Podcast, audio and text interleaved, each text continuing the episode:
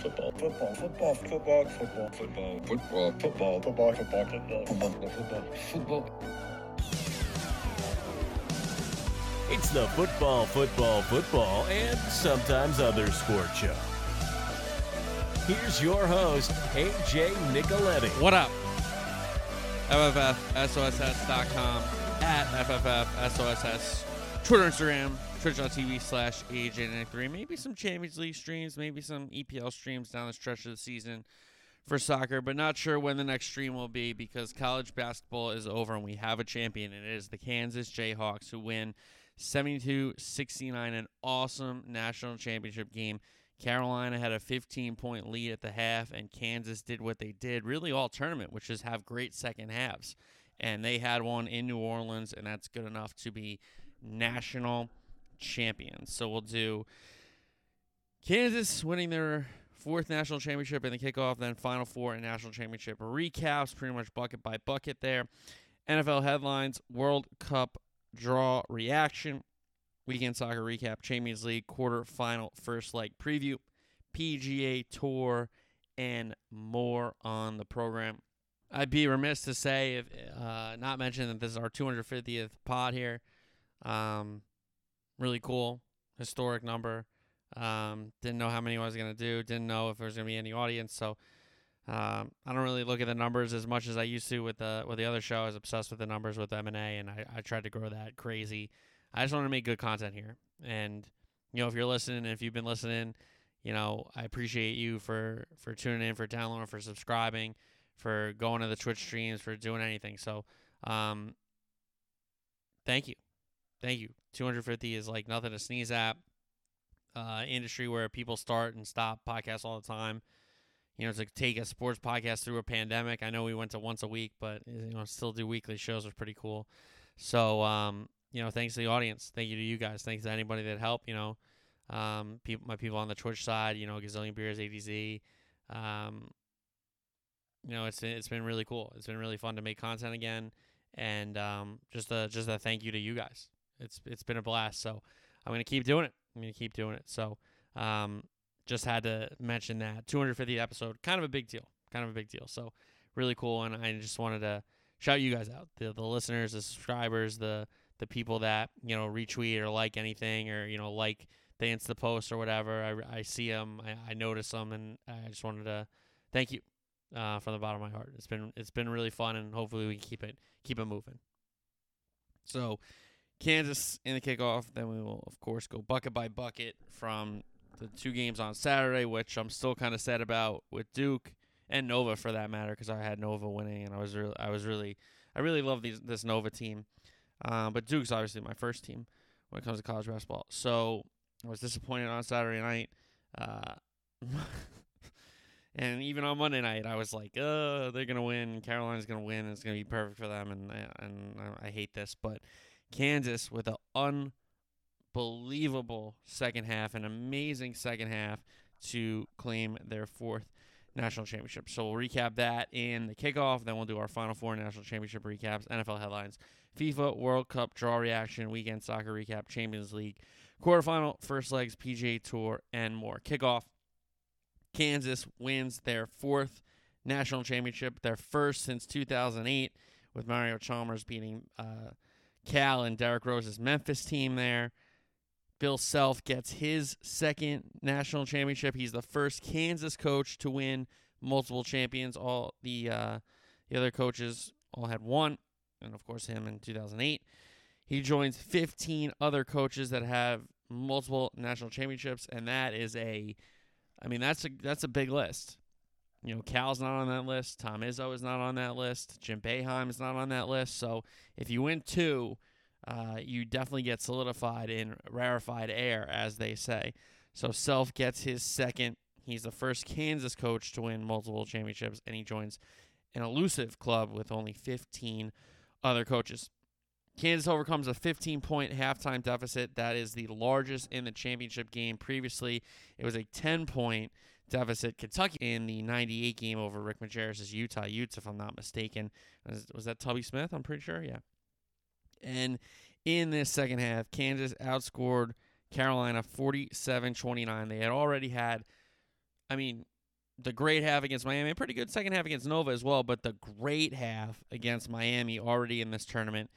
It's the also the fifth tournament in a row where a number one seed has cut down the nets on the final game of the year. So, I mean, hats off to Bill Self. Yes, they have some tier. Was it tier tier one, five tier one violations coming in their program? So, who knows if this might get vacated? Uh, that's another story for another day, maybe. But um, they celebrate this one, and it's a all time unbelievable second half comeback. It was a great game. Um, second half was awesome.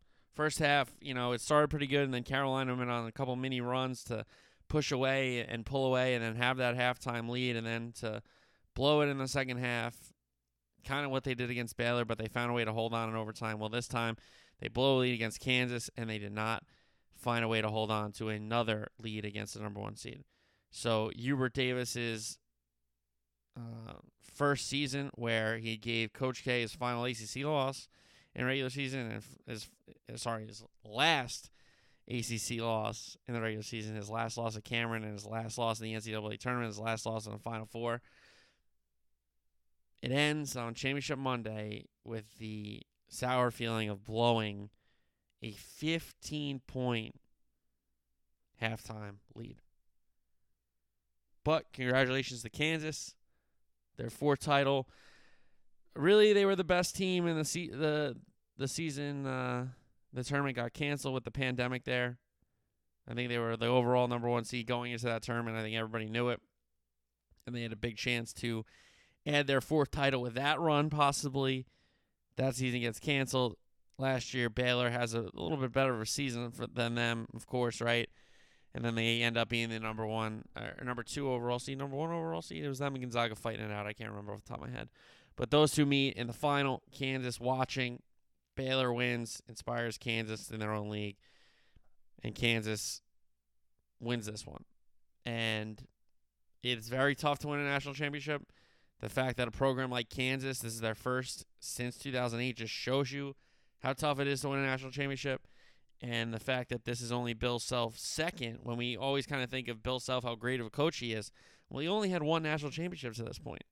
You know, all those Big 12 regular season titles, all those Big 12 conference tournament titles, those are great, but it's really how you're measured in the big tournament in March, not the conference tournament. So even though the conference tournaments are very important and, and regular season uh, championships are very important for sure, conference championships are very important for sure this sport, you're measured by what you do in March. And yes, Final Fours are great and national championship appearances are great, but when you lose those games, it really, really hurts.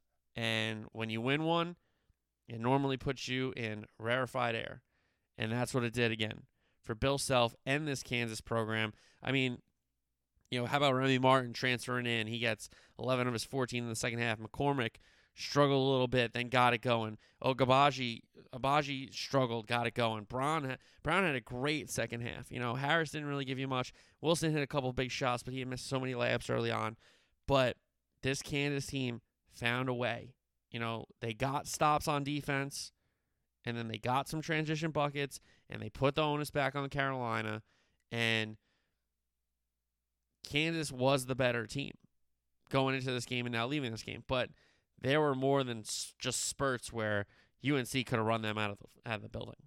So Kansas wins their fourth, Self second, first since 08. Self is the first Kansas coach to win multiple championships. He joins 15 other coaches that now have won multiple championships, and you can't talk enough about how Kansas overcame that 15 point deficit at halftime. Outstanding second half by the Jayhawks. All right, so we'll get to the national championship in a sec, but we got to recap the first two games of the weekend, the final four games. Kansas Nova. Kansas wins at 81 65, a wire to wire win for the Jayhawks here. KU opened up the game on a 10 0 run. Nova had six turnovers in the opening 10 minutes. Jayhawks hit seven threes in the opening 20 minutes, four from Agbaji, who finished with 21. McCormack had 25. He was getting it done inside for the Jayhawks because the Nova Wildcats couldn't help off the shooters. Because I mean, when Harris is making threes and Agbaji's making threes and everybody's making threes, you can't really help. Um, so Nova couldn't help off the shooters. Often that left McCormack against Dixon one on one, or McCormack against somebody in a mismatch, Slater or Samuel, somebody he was taking it to. Uh, so Kansas had points in the paint. Kansas had points from the three point line. But Nova did make it a little interesting. McCormack went to the bench with two fouls with six plus minutes left. Nova went on a 10 0 run. That cut the 19 point deficit to an 11 point Kansas lead at the half. Uh, it was nine, but Lightfoot got a bucket to end the run. So Kansas led 40 to 29 at the break. Second half, Nova got it to seven a couple times and to six once, but Kansas always had an answer for a Wildcat spurt. And Usually it ended up being a three. Uh, Nova cut it to six with 6.10 to play. Kansas then went on an 11 1 run. A pair of McCormack dunks, uh, Brown off balance three was the nail in the coffin with 248. That put KU up 75 to 59. 13 total threes for Kansas. They shot better than 53% on the night. And yes, the Justin Moore injury was used for Nova, and I think it would have affected some of their turnovers early because yes, Gillespie did turn it over, but you know Slater had a couple, Dixon had a turnover or two, if I'm not mistaken. So I feel like Moore would have had the ball in his hands a little more than, pun intended, than uh, some of the bigs. Instead, uh, you know where where they were turning over, maybe he you know makes a bounce pass to somebody. So I don't I don't think even if Moore plays and Kansas still shoots that way, Nova wins the game. I, you know, Agbaji came out firing. They were making everything in the first half. It took so much for Nova to fight back in the game that when they would get some stops and get a bucket, you know, and, and feel a little bit of momentum, Kansas would just come back with a dunk or a bucket. They were just bigger. I mean, McCormack, Agbaji, um, you know, they were just bigger, bigger than the Nova guys. I didn't think it was going to be that much of a difference because Dixon and Slater kind of pl- and Samuels play bigger than their sizes. You know, normally with you know sound defense and boxing out and getting rebounds and stuff. So I don't know. I, I figured that the size would be a factor, maybe not to the factor that I thought, but I didn't think Kansas would shoot the way they shot. I mean, they shot the ball outstandingly. I mean, how many threes are they going to make? You know, Agbaji went crazy in that first half. I mean, they get seven seven threes in the first half. That's really tough to defend. You know, like you're going to give up some threes, but for them to make almost all of them and then to get six more in the second half and shoot better than 53% on the night. I think they shot 54% from three, 53% from the field.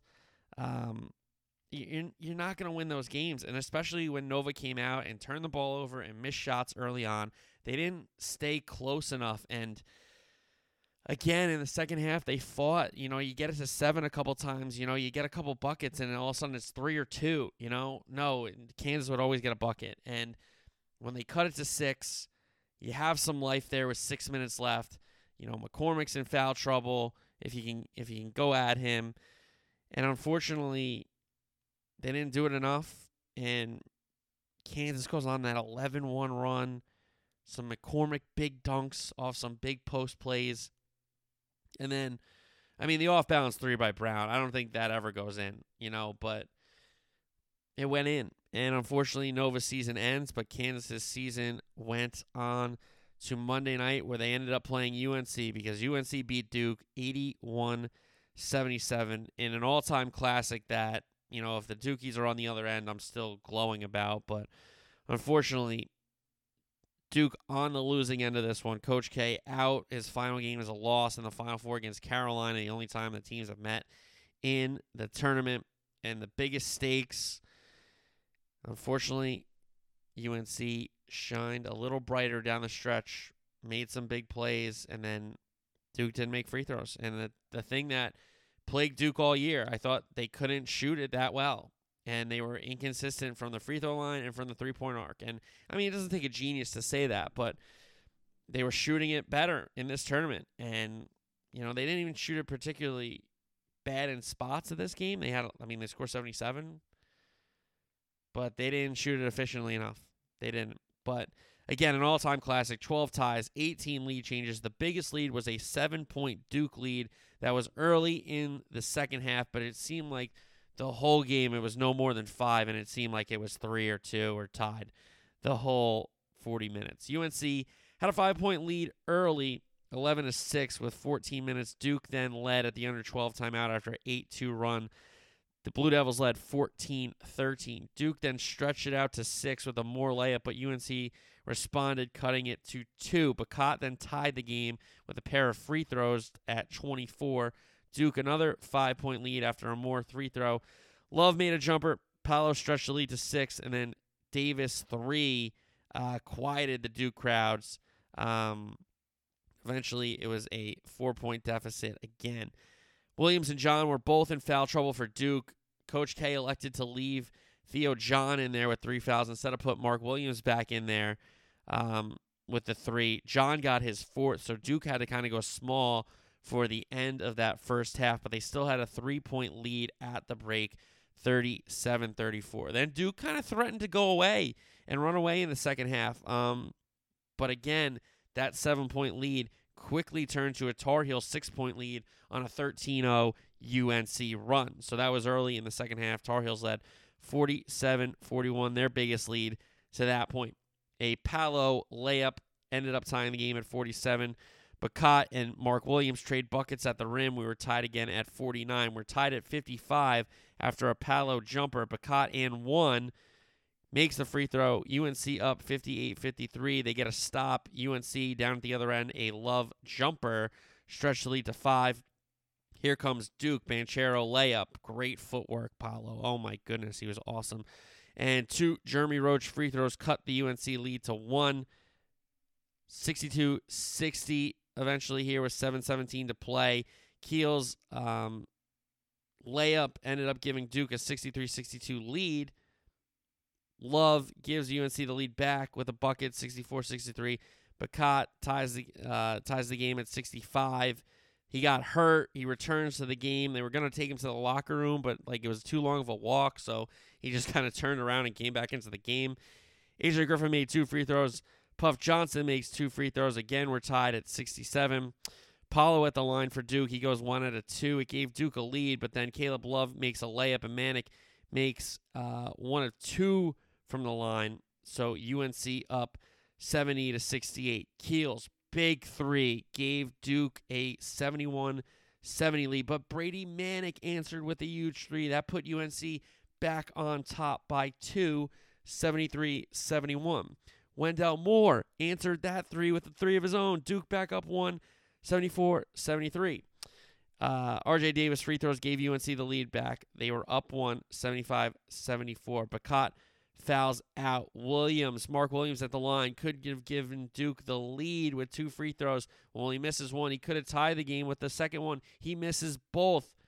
Caleb Love, dagger three with 25 seconds left. An ice cold three that put UNC up.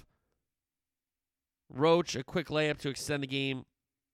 Love made one free throw on the other end. Carolina up 79 76. Trevor Keels drives to the rim, fouled, layup goes. You're thinking Duke's about to tie the game with a free throw. No, they wave it off. Foul on the floor. So instead of possibly having a chance to tie the game with an and one, Keels only makes one out of two free throws. So Carolina up 79 77. Duke has to foul. Love makes both free throws. A Duke three is missed to it would have continued the game at least It would have made it one they would have fouled and then you know time's running out but that would have happened regardless so that's how it ends An absolutely frantic last four minutes a pretty much frantic game to be honest with you love finishes with 28 after being scoreless for the first 15 minutes of the game Bacot was immense getting banged up fouling out but he still had 11 points and 21 rebounds he was outstanding Davis had 18. The freshman Manek chipped in with 14 for Duke. Paolo had 20, and Keels had 19 off the bench. So unfortunately, the Duke season ends really a couple possessions short of playing on Monday night.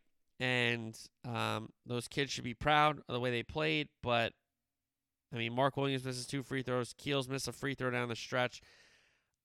To me, that's an and one. You're going to say you're biased. I get that. Um, I understand that like the foul's on the floor and he's not going up yet, but how many times have you seen that call just be an and one?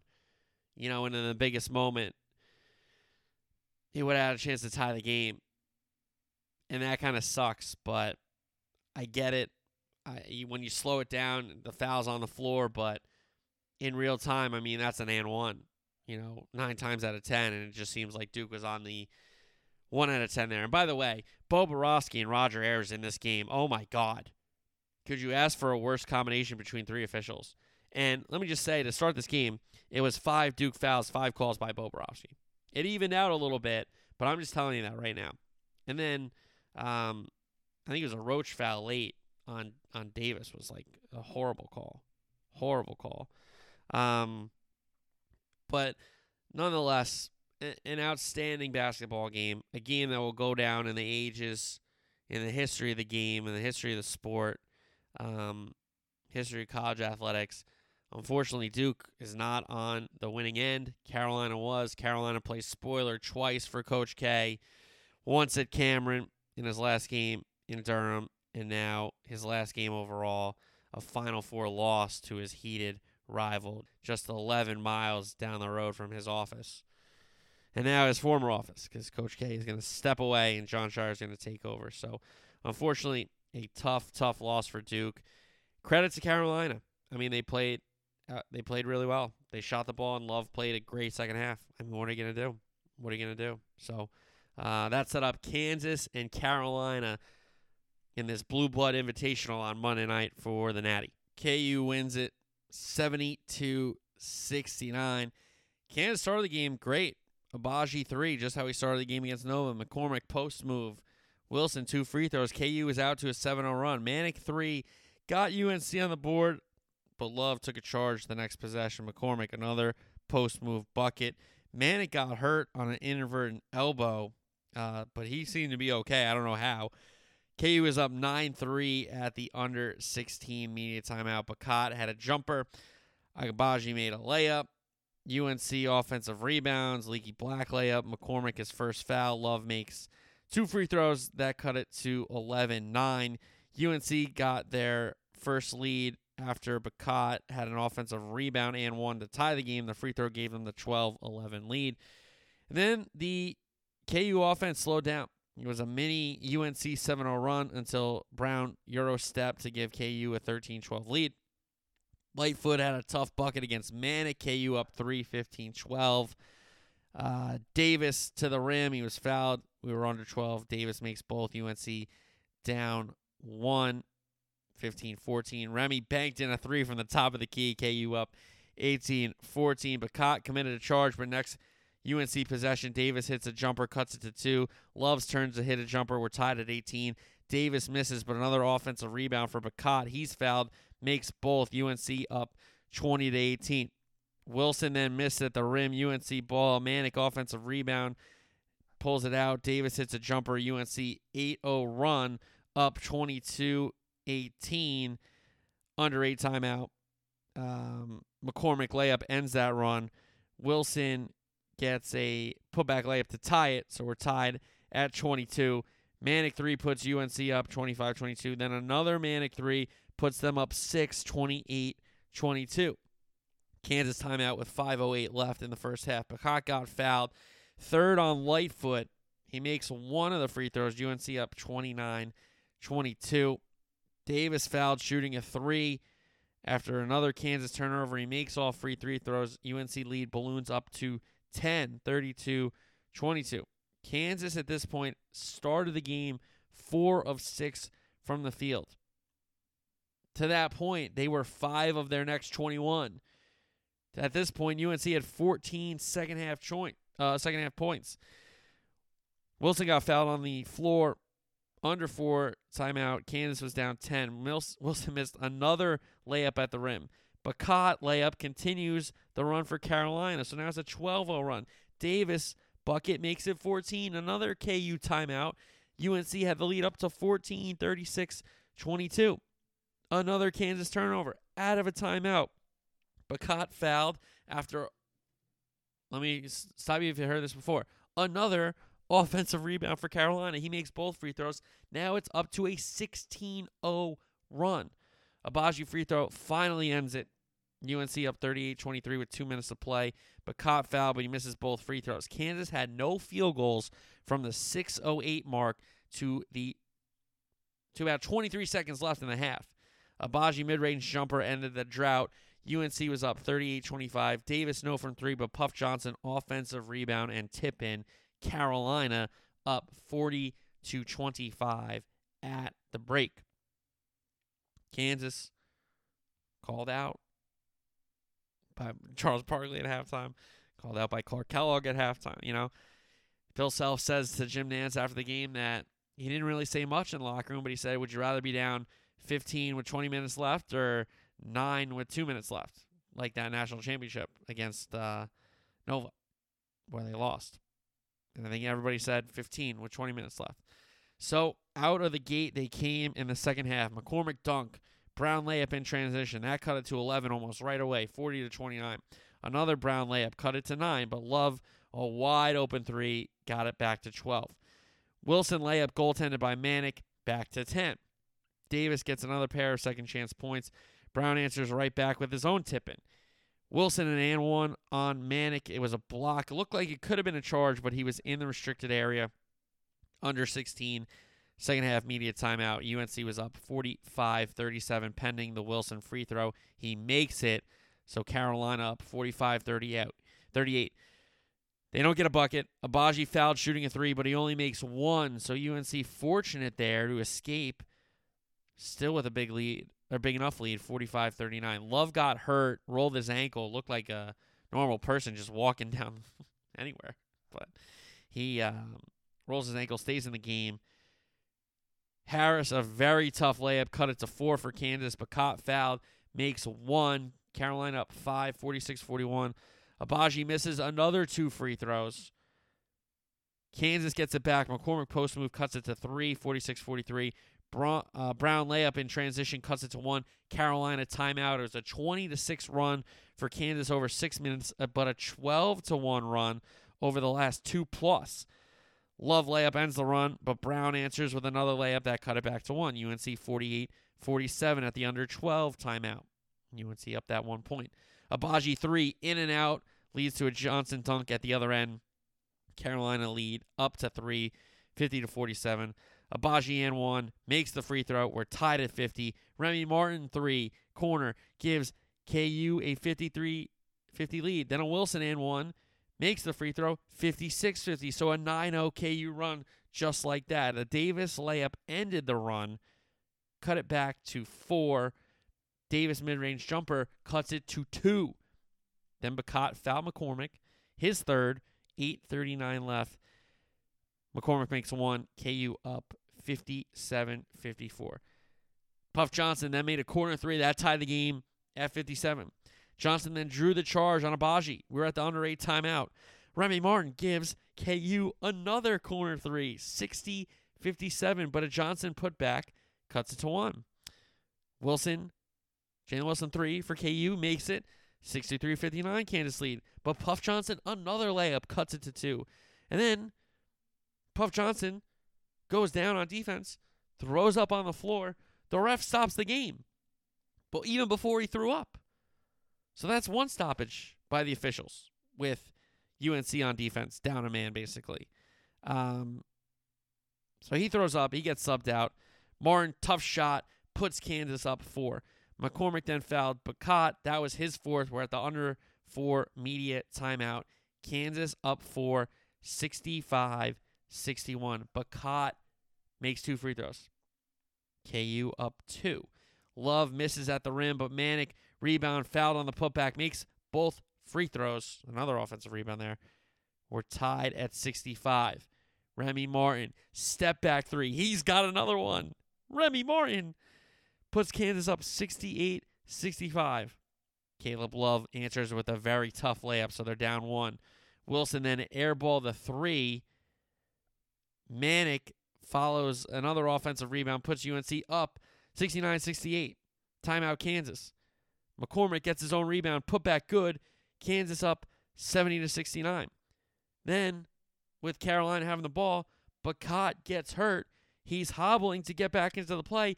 Kansas taking time up one, but the ref stopped the game.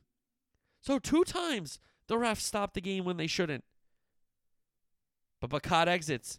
That meant Manek had to play McCormack in the post. They dump it down to McCormack. Post move. He gets another one.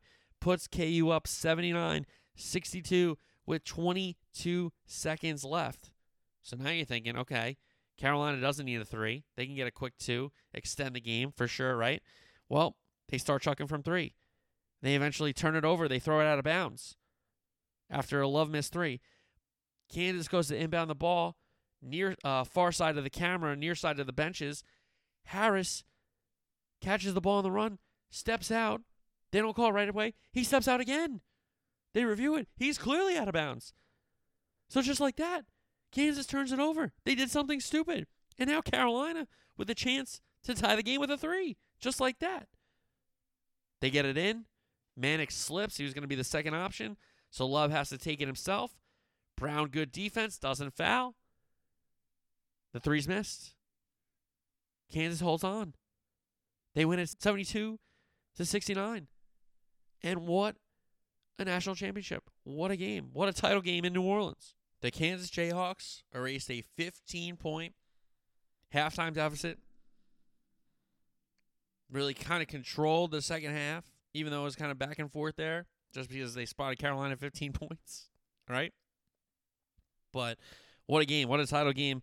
What a Final Four in New Orleans. I think it'll be one for the ages. No doubt about it. And Kansas comes out of this blue blood invitational in New Orleans with their fourth national championship, their second under Bill Self, and we say goodbye to this year's college basketball this season. And what a season it was. You know, fans back, the full tournament back, you know, regional sites and all all the things that make March great. And it was just it's it's my favorite tournament in sports. You know, yeah, I love the Masters and you know Champions League and the Prem and obviously the NFL is like a tournament in itself. It's a season in the play, in the playoffs, right? But if you look at like single kind of standalone competition or standalone tournament, it's the NCAA tournament. You know, for reasons like St. Peter's, for reasons like this comeback by Kansas on the national championship, for the reason Saturday night where it hurts so much to see Duke lose against Carolina. You know, it's the best tournament, and it will always be the best tournament. So, congratulations to Kansas. They deserve all the accolades. Credit to Carolina for a, a hell of a run as an eight, you know, knocking off the one in Baylor in their region. And yeah, they're fortunate to get St. Peter's in the Elite Eight, but they still had to take care of business against a team that believed in themselves and the whole arena was rooting against them. So, um, an outstanding season of college basketball. Can't wait to tip it off already next year.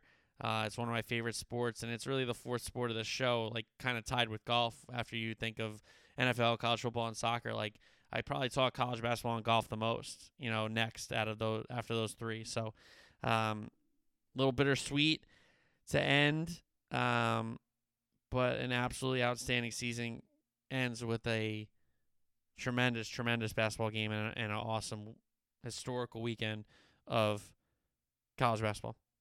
All right, let's talk some NFL headlines. This broke Wednesday night after I was basically done recording.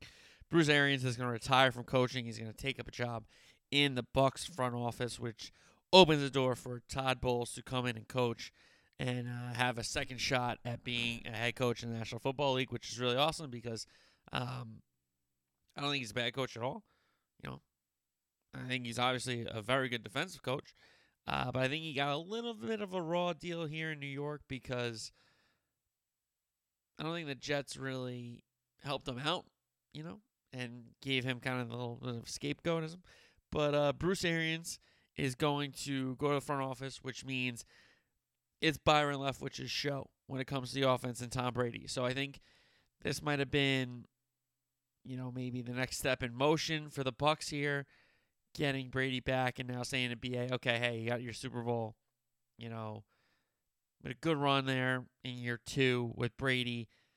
Let's give it to Bowles during a good situation so, you know, he has a chance to win as a head coach and he can kind of figure out some things and get some things right in year one of his second stint as the head man. So Bruce Arians is going to step away to uh, the front office from coaching And that opens the door for defensive coordinator and assistant head coach Todd Bowles to get another shot at being the head man, which is a really cool job by uh, Arians, you know, to recognize that and then to give up that ego job of being the head coach for a, a Super Bowl winning franchise. Like that's a, you know, a lot of a lot of guys have that job until they don't want it, being the head coach after you win a Super Bowl.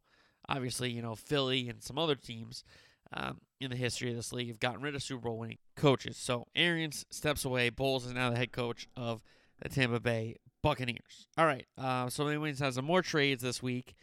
Eagles and the Saints swap a bunch of picks. This just kind of played out to a Madden franchise mode trade for me. uh, we got a couple picks. We want a couple more picks next year. Uh, let's get some picks. You know, let's let's trade some picks, kind of a thing. So Philly gets 18 overall, a third and seventh this year, and then 2023's first round pick from the Saints and 2024's second round pick from the Saints. New Orleans gets 16 overall, 19 overall, and a sixth. Uh, so New Orleans clearly giving up a little bit of future capital for two first round picks in the teens as of right now. 18 and 19 kind of cancel out for Philly, and then they get a 16. Uh, they give up 16 overall for next year's first and and the following year's second, which is pretty good value when you look at it. So a lot of people, Eagles fans, pumped about this trade. You know, Howie doing his uh, GM thing and and getting some picks and you know, when teams do have multiple picks in the first round, guys, they're always going to be shopping because, yes, there is a, a point to acquiring as many first round picks as you can and and uh, drafting those players that can be impact players for you. But a lot of the times, you're not going to get all the guys you want, even if you have a lot of first round picks. I mean, that's just the that that could just happen. Okay, so New Orleans stocking up now, trying to maybe contend in a division where, you know, Carolina is a project, Atlanta is clearly in a project, Tampa we know is in reload and not a project. So New Orleans is in a spot where you know Jameis comes back, Sean Payton steps away, Dennis Allen steps in. What's the offense? They get Andy Dalton as a backup policy for Jameis. You know they're missing some guys. They get rid of some guys. They lose their coach. You know, so what is what do we make of the Saints? Well, they're trying to get some talent right now, which you know makes sense if they have a little bit of an aging roster and still think they have a little bit of a window to win. Now the Eagles, this helps them. Why? Well, next year is a huge quarterback draft as opposed to this year because this year the quarterbacks are not as highly touted as prospects as we've had in years past and years going forward. So it's a down quarterback draft year for sure. So what Philly does here is, hey, maybe New Orleans stinks next year and we're not committed to Hurts going forward after this year. But this year we don't have the pressure to draft a quarterback with one of these picks if they're if the one that we, you know, kind of like is still there. And they give Hurts a year. And next year, maybe they do have the capital to go up and get the quarterback that they want if Hurts doesn't work out. So Philly, it pains me to say it, they made a really good trade here. They made a really good trade. So good for them. Good for the Eagles and the Saints. I'm not going to say that the Saints, you know, screwed themselves. That's not what I'm saying, but they definitely changed. You know, maybe that not their mindset, but what they're going to do here. They're going to try to win now because you don't mortgage some of the future picks for if you're not going to bring guys in straight up. So, Interesting trade there. Another trade we had, another really interesting one. Dolphins and Pats. DeVante Parker goes from Miami to New England in exchange for a third round pick, and Parker and a five is going to the New England for the Patriots three, headed back down to the Miami Dolphins. So DeVante Parker, the odd man out after bringing in Tyreek Hill, trying to entertain Waddle and all those other guys down there in that wide receiver room. Parker, the odd man out He's going to New England, which gives Mac Jones a verified number one receiver, which is all he's been kind of hoping for since being named the head man in New England, right? I always I hope they get like uh, Metchie for him or somebody that he was thrown to, you know. But he gets DeVante Parker. That's a big thing. That's a big move for New England. And again, I've seen this take, and it's clearly obvious. New England can't develop receivers. They can't draft good ones, and they can't develop ones that they're trying to get better. So, I mean, that's obvious. They're going to have to sign guys or trade guys at this position until they can figure it out. So, Dolphins move the odd man out in their wide receiver room. Unfortunately, they send him up north in their own division, which I don't think they wanted to do, but it's the trade partner they found. And the Patriots get a guy who certainly helps them immediately on offense. The fact that he can be a big time, big play receiver, make contested catches, good route runner when he's on the field, when he's healthy, he makes plays for your team. And that's a sign of a good receiver. So DeVante Parker going up north to New England. Parker in a fifth for a third, headed back to Miami. More Dolphins news. Xavier Howard is going to stick around. Five for 50, big contract for a corner, a very good corner. Um, maybe one of the best, the best corner in the league, maybe for me, to be honest. I love Ramsey. I think, you know, Trevon Diggs should get in the conversation now that he's improved and gotten better year one to year two. But Xavier Howard is so consistent. He makes play after play. You know, a lot of teams don't throw to him on purpose because they don't want him to make a play on the ball or get a deflection or you know cut an like jump an underthrown ball, make a play on a deep ball. Like he's really really good, and for Miami to you know kind of quiet that holdout, get him in camp, get him to stick around through last year, and then this year say, hey, we're gonna get a deal done. We'll get it done, and they got it done. So.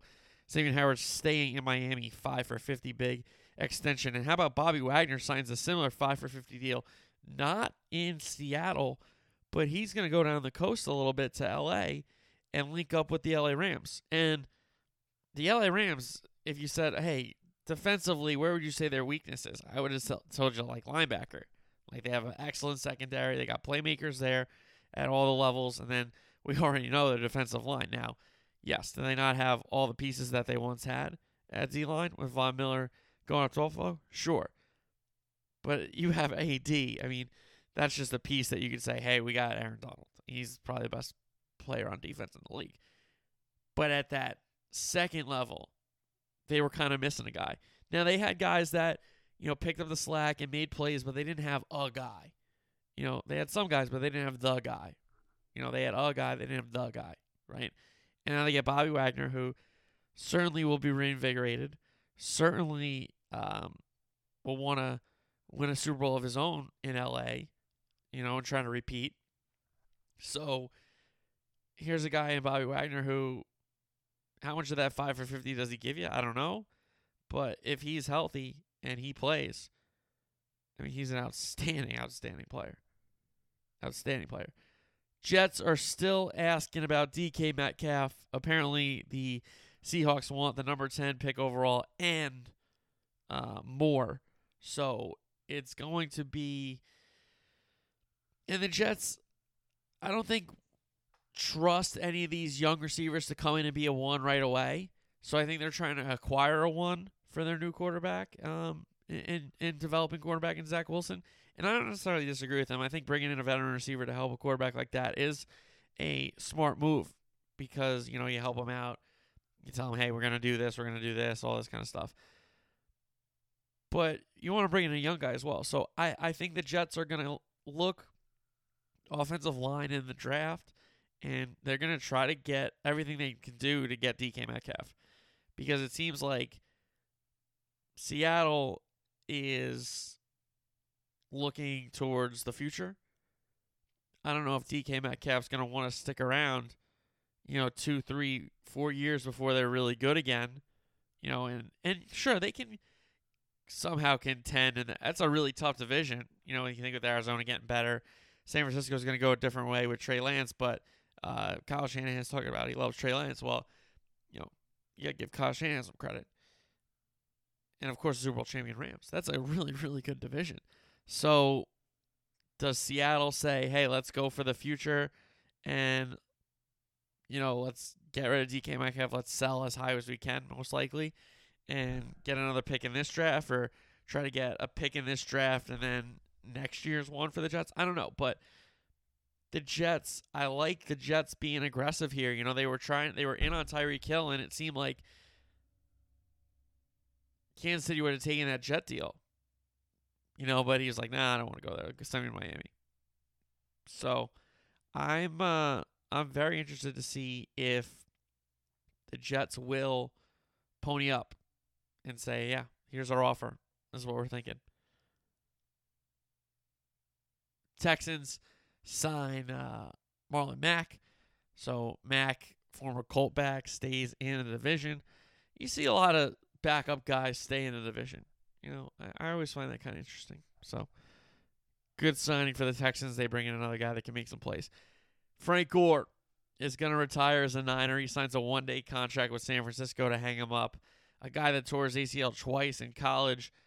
I mean, 16 years in the league. An outstanding running back. One of the guys that, you know, in his prime there, you could just count on. Running hard, finishing runs, physical. A guy you had to prepare for. Um, and he was going to, like, you weren't just going to, like, arm tackle him to the ground. You were going to have to wrap up. You were going to have to hit him. You were going to have to bring him to the ground because he was running through arm tackles. You know, he was outstanding. So Frank Gore calls it a career and a great career and a Hall of Fame career for me. Uh, congratulations, Frank Gore, for hanging him up. All right, let's go to soccer now. We got World Cup draw, we got weekend soccer recap, and we got Champions League quarterfinals, first leg preview. So we got a ton of footy to talk about here. World Cup draw reaction. Group A, Qatar, Ecuador, Senegal, and the Netherlands. Obviously, uh, Senegal and the Netherlands are favorites to get out of this group. Qatar, the host country, will be certainly overwhelmed. Ecuador's a spicy, you know, South American team, but I don't think they have the squad to possibly nick points off Senegal and the Netherlands to make sure they get through. So Senegal and Netherlands, I think, is the early call there. Group B, what a group we got here. England, USA, Iran, and then the winner that comes out of the Ukraine Scotland game takes on Wales, and that winner gets into Group B. So it could be Ukraine, it could be Scotland, it could be Wales. So what a Group B that would be. Group C, Argentina, Mexico, Poland, and Saudi Arabia. It's set up for Argentina to come out, but Mexico and Poland are really tough teams battling for possibly second or first. You know, if they nick points off Argentina, who knows? But that's a good group, Group C. Saudi Arabia, you know, not a ton of players there. Group D, I mean, France got a pretty, pretty. I don't want to say easy, but they got a they got a a light group. France, Denmark, Tunisia, and then the Austria UAE winner takes on Peru, and then the winner of that game comes to Qatar. So I think France lucked out with a pretty good group there. Group E, Spain, Germany, Japan, and then the winner of Costa Rica versus New Zealand. That's a really good group. Spain turned the corner with some of the younger guys in the Euros. Germany in a lot of guys' primes for that German national team. Japan's nothing to sneeze at. Um, and Costa Rica is a tough team, but they beat New Zealand. But that's a really good group. Group F, Belgium, Croatia, Morocco, and Canada. Sneaky good group here. Canada is a lively team, especially if Davies is fit and ready to go for them. Um, David, the striker, is very, very good. We know how Belgium, that golden generation, has not won anything. Can they do it maybe in their final tournament together? It's certainly possible. The Croats aging as well. Modric, Rakitic, I mean, they're all kind of getting older. So, two teams there in Belgium and Croatia that are old. You got uh, Hakimi, right? You is Moroccan. So he's in that group. Group F's good group. Group G set up for Brazil. Brazil, Serbia, Switzerland, Cameroon. Listen, Serbia and Switzerland are tough teams. Cameroon's a good African team, but that's set up for Brazil to get their points and, and win that group and get through. Then Group H, good group here. Maybe the group of death for me. Portugal, Ghana, Uruguay, and Korea. Listen, Heung-min Son, and there's some other good Korean players. Uh, so he can certainly upset you. Portugal, we know how talented they are. We know that they have that giant on their team in Ronaldo. Maybe his last big international tournament. Who knows? Ghana, good team. We know how good Uruguay is. Um, so I would say, you know, quick reaction. Senegal and the Netherlands should come out of Group A. Listen, Group B, I'm telling you this right now. U.S. are beating England. They're going to beat them. And you can say, hey, Jay, you're being a homer. There's no way. I'm telling you. I think this U.S. team is, this is the World Cup to learn. This is the World Cup to develop. This is the World Cup to experience. And then the next one's for keeps for the U.S. men's national team. So, listen, England better be ready. You know, because they're going to get a tough group. And Iran's not a bad team, but that third team that comes in between Ukraine, Scotland, and Wales. I mean, those are good teams. Ukraine has some good players. Scotland have some good players. Wales, we know, have good players. But I think the U.S. can certainly get out of that group regardless of who that fourth team is. Group C, really good group. Mexico, always cagey. Poland have one of the best players in the world in Lewandowski. Does he have any help? You know, Argentina, one of the best players in the world, Lionel Messi, of course. France, I think, has a cakewalk through Group D. Denmark, you know, will they have a good team, great run in the Euro that have gotten them inspired by Eriksen. I'm sure him being possibly back in the team is huge. But Tunisia does not scare me. Australia or Peru or UAE don't really scare me. Peru's cagey, but they can still win that game, France. So France should end that streak of former champions not getting through. Unless something crazy happens. Group E, great group. Spain, Germany, two titans of the international football. Japan, tough team. Takumi Minamino, good player. Some good Japanese players. Uh, Costa Rica or New Zealand. Don't know much about New Zealand to be fair, but Costa Rica, tough team. Group F, Belgium, Croatia, Morocco, Canada, really tough group. Group G, I think it it's Brazil and then who can play the rest out of that round robin between Serbia, Switzerland, and Cameroon because you know either one of those three teams is good enough to come out of this group, but who's it going to be? You know, and then Group H is going to be a war. I mean, Group H is going to be in a war. I'm. Those matches are going to be great. Portugal, Ghana, Uruguay, Korea. I mean, those are some great, great teams. Um, and have some really good players. All right. Um, so it's just the World Cup draw. We'll have plenty of months to lead up and build up to that with that happening in November and December there. Uh, so a long way away, but not that long away when you think about it. All right, weekend soccer recap as everybody came back from international break. Liverpool and Watford up first in the Prem. Liverpool win it 2 0. Joe Gomez was in for the not fully fit Trent Alexander Arnold right back, and he did what Trent does, and which is a provide an assist for one of the front three, and it was Diogo Jota on the end of a Joe Gomez cross for the Liverpool opener just after Alisson had made a save, maybe a minute prior it, it, was. Uh, but Jota gets Liverpool on the board. Then he was taken down on a set piece by a Watford defender. Fabinho in after Salah had come off. So Fabinho takes the PK and scores it. Liverpool win 2 0. Went briefly top of the table. Brighton Norwich finished 0 0. Maupay had a PK in the first half, which he skied. That was the best chance of the game. Burnley, Man City. City win at 2 0. A De Bruyne goal, a Gundogan goal. Sterling involved in both. That puts City back on top of Liverpool, on top of the table. Chelsea, Brentford. Brentford win it 4 1. It was uh, a Rudiger golazo, the longest strike for a goal in the Prem in a long time, just under 40 yards, as I was reading today. Uh, so Rudiger gave Chelsea an outstanding opener, but goals from Brentford came quickly. It was Janelt right after. It was Christian Eriksen after that to give Brentford the lead. Janelt gets his brace, and then Wissa added a one, uh, a fourth late to put an exclamation point on a day Brentford will never forget as a um, in a London derby. You know that's that's a that's one you'll never forget. Away at Stamford Bridge, four one. You went down one one one nil. Leeds Southampton finished 1 1. It was a Jack Harrison goal for Leeds and Jesse Marsch's crew, but they gave up a stupid foul.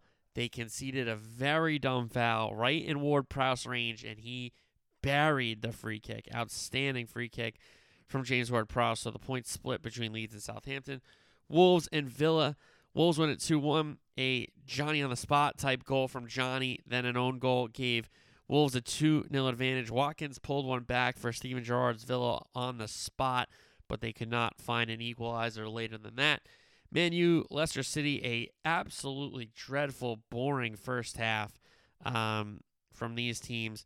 Iheanacho opened it up in the second half with a goal for Leicester City, and then Fred got the equalizer uh, for United on a rebound. So the points split there after that one finished 1 1. West Ham Everton. West Ham win at 2 1. Cresswell, great goal. Holgate equalized for Everton to get them back into the game, but then Bowen won it for West Ham, and then any comeback was off after Keane got two yellows for Frank Lampard's Toffees. So sent off and down to 10 men. No way back for Everton in that one, and relegation is possibly in the sights of Everton if they do not get some results soon. Tottenham Newcastle. Newcastle uh, actually went up 1 0 with a Schär free kick that was a great goal, but then it was Tottenham responding, and it was really a defender scoring for Tottenham. Davies, the left center back, Doherty, the right wing back. Son got a regular goal, so that was fine up front. Uh, Royal, the left wing back, and then Bergwijn came in and got Tottenham's fifth. So Tottenham win it 5 1 and the Arsenal had two games at hand at this point. Tottenham putting the pressure on their London rivals to deliver results in their London derby over the weekend. Crystal Palace and Arsenal at Selhurst Park. This was on Monday. I apologize. Crystal Palace won a 3 0. Mateta opened up the scoring. Ayew got Crystal Palace a insurance goal early, and then a Zaha PK put it all away late. Big result for Crystal Palace. Vieira has them humming. He's found the guys he's wanted to play. And Crystal Palace, can they finish in the top half? That'd be a good season for them. Arsenal, still a game in hand. Point down to Tottenham. So if they win it, they're still in control of their own destiny for top four. And it's going to be a fun race because, you know, Chelsea is in third and they're comfortable. They're not. They're not comfortable. They're less comfortable than they've been, but they're still in third and it really seems like it's one spot for grabs between uh, a few teams there in fourth, fifth, sixth. All right, La Liga action. Celta Vigo, Real Madrid. Real Madrid win it 2 1. It was a Benzema brace from the spot. Atletico and Alavés. Atletico win it 4 1. João with the brace. Suarez with the brace. The second goal for Suarez was a spot kick. Then Barca Sevilla on Sunday. I watched this match. Great match. Barca win at 1 0. Pedri, outstanding goal for the young player um, for Barcelona. Serie A, Atalanta Napoli. Napoli win at 3 1, and Insigne PK amongst the goals for Napoli. Sampdoria Roma. Roma win at 1 0. Mkhitaryan, the goal for Jose Mourinho. Juve Inter. What a match this was. The Derby d'Italia. Uh, Inter win at 1 0. Late first half action. Inter win a penalty uh, after Dumfries was fouled on the edge of the area. So initially, it was like rule the free kick. Then they look at it as a PK. Calhanoglu gets his PK saved. The follow up goes in. The the follow up gets ruled off for no goal, but we don't know why. Then it was encroachment on De Ligt. So Calhanoglu gets to take it again. Then he scores. 1 0, and then Inter, who really didn't. The, the goal was against the run of play in the first half. Juventus had the better chances. Juventus had the ball, and Inter got that goal against the run of play. Second half, they held the ball a little bit better. Barella was outstanding dribbling the ball in the midfield. But Juventus, again, had chances but could not find the equalizer. Inter didn't need an insurance goal. They looked like they wanted to get an insurance goal, but they couldn't.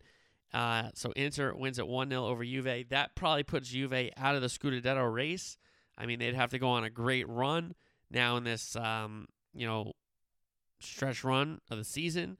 Uh, but Inter absolutely in it, especially after Monday's result, because Milan at home in the San Siro against Bologna muster up no goals, and it's a nil nil goalless draw for the last match in this Serie A uh, match day.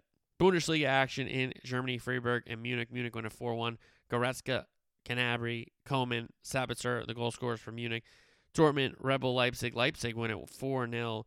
Uh, Laimer, Brace, and Nkunku Olmo scoring for Leipzig. Malen had the goal for Dortmund in the loss. PSG Lorient. PSG win a 5 1. And Mbappe had a brace. Neymar had a brace. And Messi getting the other goal for the Parisians. And big news out of Paris. It's not a done deal yet for Mbappe going to Real Madrid. There are talks of a possible contract negotiation for him to stay in the capital and not move to the Spanish capital. All right, uh, so that's the weekend soccer recap. Let's get into a Champions League quarterfinals, first legs preview. Start with Benfica and Liverpool.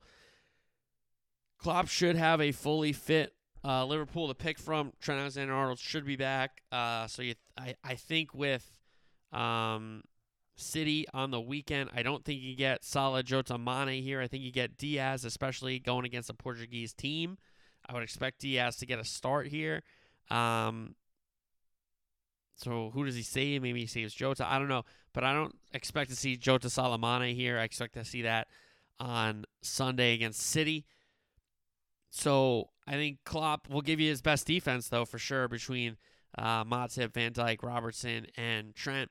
Midfield, I would presume Fabinho, Thiago, and Henderson, and maybe that's the same midfield for Sunday. Maybe he does cha- make a change in the midfield with the Naby Keita. Um, in the Champions League game and goes with Thiago for the game against City. I'm not sure. I'm not in Klopp's head, but I could see him, you know, making the choices for all these games coming up for the game at hand or, or the game, you know, he's coaching that day, right? Um, Benfica has a chance in this in this tie if they can beat Liverpool's high line and get one on ones with Alisson and actually score them. You know, Liverpool could go down in this tie, get tight, you know, Benfica could park the bus. It'd be very tough to break down a very organized bus. But if Benfica come out and play Liverpool straight away, I don't think with Otamendi and Vertonghen, you know, aging center backs against the pace and the in the the fitness and the form of the Liverpool front end, I don't think you can just give Liverpool the ball for, you know, 75% of the match, like 65, 70% of the match and just say, all right, got, let's defend. You know, Otamendi and Vertonghen were getting cooked by these guys when they were kind of in their primes, or you know, at the end of their primes. So it's an interesting squad for Benfica. There's certainly some players. I mean, Darwin Nunez does kind of scare me up front. He is a clinical goal scorer for them, but you know, on the back end, I think they're very vulnerable and they're gonna have to play kind of differently in this tie, at least for me. So I think Liverpool will be able to take care of business in that one. Man City and Atletico, Guardiola for Simeone. I mean, these are outstanding managers. Uh, Pep, you know, unquestioned about overthinking things. He brought it up in the press conference, which was kind of weird. He's like, "Yeah, I'll overthink it. We're gonna play with a brand new formation tomorrow. I'm gonna play with 12 guys." Like, hey man, like the guy just asked you a question. You brought up the overthinking part. Um, but Guardiola versus Simeone. Simeone, the master tactician of being able for his side to be very organized and park the bus and have his team believe in that and believe in counterattack, where we know Pep wants to keep the ball, manipulate the defense, manipulate the formation, get overloads, play the correct ball, make the correct runs, all these kind of things. Possession versus park the bus. I mean, it's set up for City to have the ball and it's set up for Atletico to defend. So is City going to be able to break down the Atletico defense and going the other way? is Atletico going to be able to score on counters when they get them few and far between. Uh, it's going to be a very, very interesting matchup. Walker is suspended. Ruben Dias is hurt for Pep's um, selection. Carrasco suspended. Giménez is not traveling for Simeone's kind of back line and wing backs with Carrasco there. So I'll say this for me, City have the attack, City have the defense, City have the defender, City have the goalie. You know, not saying old bad. You know, not saying the Atletico defense is bad. Not saying the Atletico midfield is bad. Not saying the Atletico attackers are because you know João has been in form and Suarez has kind of found himself a little bit again. So if these guys can get goals going the other way, City has to be even more clinical when they get their chances. You know, so I'll say this. Um, I, I'm not sure. I think City do go through, but Atletico are certainly capable of frustrating them over 180 minutes between two legs and getting some counterattacks and scoring and being organized. And yeah, they're going to concede because City score goals. You know, they're going to concede, but can they only concede one? Can they only concede two total? And can they get their counterattacks going in the other way? I think City have the better team. I think City are one of the favorites in this competition, but Simeone and Atletico, they're they're a side that can play upset real quick, and they're going for the Manchester sweep. I do think City go through though. Chelsea and Real Madrid, Wednesday's matches rematch of last year's semis here in the quarters, and N'Golo Kante was the man of the match in leg one of the semis. He was the man of the match in leg two of the semis, and then he was the man of match against Man City in the final last year during Chelsea's run to being crowned Champions League winners. Now, can Kante be Kante? If N'Golo Kante is the N'Golo Kante that we know, the inform controller, and you know Leicester used to say uh, we played Drinkwater in the center and we played Kante on either side of him because he was two players in that midfield for Leicester. And since coming over to Chelsea, he's been two players in that midfield for Chelsea. His work rate, um, his vision in offense and and you know when they have the ball and then when they don't have the ball, meaning that he's able to cut down passing lanes on defense. He's able to you know break the lines on offense when they have the ball. Um, I mean, he is outstanding. Now, who does Tuchel pick around him? Is Jorginho fit enough to be his midfield partner? Does he go with Kovacic to run a little bit more? Who does he trust on the back line? Um, and then going forward, it seems like Pulisic and Havertz have to have their names in the team. You know, and Mason Mount has to have his name in the team. So where does that leave a Lukaku? Where does that leave a Hakim Ziyech? Um, Hudson Odoi. I mean, Tuchel's got a lot, a lot of players, but he's got to pick the right ones against this Real Madrid side. Now, for Madrid, you know, how many performances does Kroos, Modric, and Casemiro have left in that midfield? How many great performances does Benzema have left up front? How many performances does some of these old guys on the back line have for Madrid? Where, you know, they're always talented. They are always, you know, class players for sure. But this is an aging Madrid squad. When does it catch up with them? You know, does it catch up with them against the Chelsea side over two legs that half they just run? You know, Kante just runs. You know, so battle of midfields for me out of, you know, Kroos, Modric, Casemiro against Kante and whoever he wants to play in there, and then the two wingbacks kind of thing. I think this is a great tie. I think it's a really interesting tie, and I'll tell you what, I can't wait for these matches, man. I really can't. It's an aging Madrid squad, but Chelsea have the talent and they have the pedigree, really, with this squad to go and do this again to beat Madrid. Now, if Benzema goes crazy and Vinicius goes crazy, you know, can Chelsea score a ton of goals? Yeah, possibly. For sure they could. So uh, I'm excited for that one. I'm going to lean Chelsea here. I think Madrid over the two legs, I don't know how many performances they have left in them. You know, what they just did with PSG was outstanding. Don't get me wrong. But how many do they have left of that? And then finally, the last quarterfinal Villarreal and Munich. Villarreal, fortunate to be in the competition at this point, but they deserve to be in it. Uh, they have to make it ugly. I still don't believe Unai Emery has his fittest 11.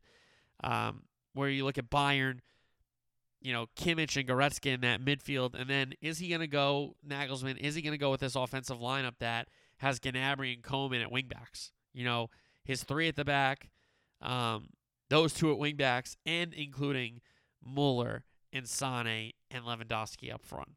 You know, that's a very, very attack driven lineup. And against the Villarreal, who most likely will park the bus and try to counter, those wingbacks and those midfielders and Kimmich and Goretzka, like those guys have to defend and they have to get back. And it can't just be all possession and and and in the in Villarreal's half. So when that game goes the other way, I'm curious to see how Nagelsmann will set them up.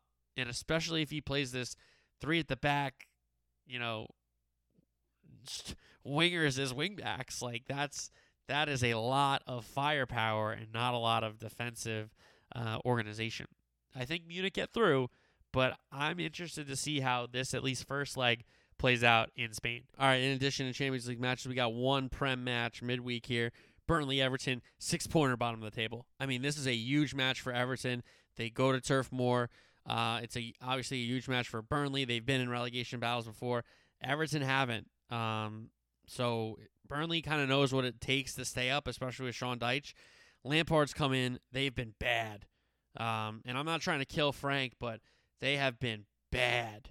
Um, Everton. So can they go away from home, which they've certainly struggled going away from Goodison um, and recently as well. So can they go away from home, away from the Merseyside and get, you know, three points at Turf Moor? Can they at least get a point? I think a point would be huge to just stop the bleeding on the, this horrendous run uh, of of bad, bad, bad matches. So um, tough match. Burnley didn't get killed by City. Um, but you know they're looking up to this one. It's a six pointer. It is a true six pointer. All right, golf, and we'll get to the Masters preview on Thursday's show. Uh, but Spaun wins the Valero Open, so he's in the Masters, which is awesome. We know it's next. Tiger Woods on the grounds this week says he's a game time decision, but from the things I'm seeing, guys, from the things I'm reading, from the things I'm hearing, it all looks like it's a go for Tiger Woods here. And we know how he only tries to compete if he, he thinks he can win. And this course, his history with this course, the fact that you don't need to be the biggest bomber, yeah, you got to hit it far. But if you're in the right spots and you get pars where you have to get pars and you get birdies where you have to get birdies, you're in contention for this tournament. As long as you don't have blow up holes, as long as you don't put it in the water at 12, or your approach on 13 hits the water there, or 15, you're going for the green and go over the back and into the water, or end up short. You know, as long as you don't make the mistakes and you take advantage of these par fives and, you know, steal a birdie here or there on a par three or a par four with a good approach shot, you're in the tournament. So he thinks he can win. He thinks he's if he tees it up, he can win. And listen, I don't. I love Tiger Woods. So if he thinks he can win, if he thinks he can compete, I think he can win. I think he can compete. And we will preview uh, the Masters with a full preview, weather, storylines, you know, how the golf course is making a little change on 11 to 15 there. We'll talk about it on Thursday. So all that and more on Thursday's show with a full Masters preview ahead of the 86 Masters. A tradition unlike any other. Shout out Jim Nantz. And speaking of Nantz, we say goodbye to the college basketball season. Nantz just has a little quick flight from New Orleans to Augusta, Georgia. And He'll take that trip down Magnolia Lane as the eyes of the world, sports world, turn from college basketball to golf. And we will have a full Masters preview on Thursday's show, as I just mentioned.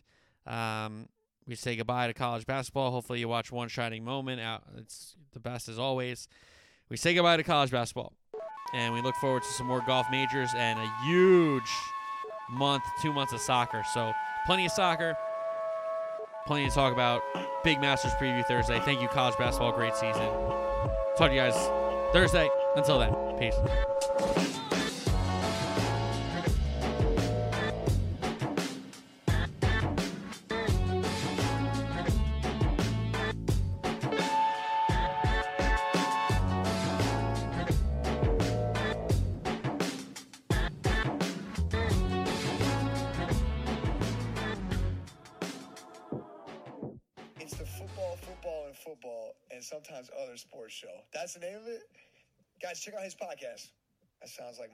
Podcast. Football, football, football, and sometimes other sports show. Sounds like me.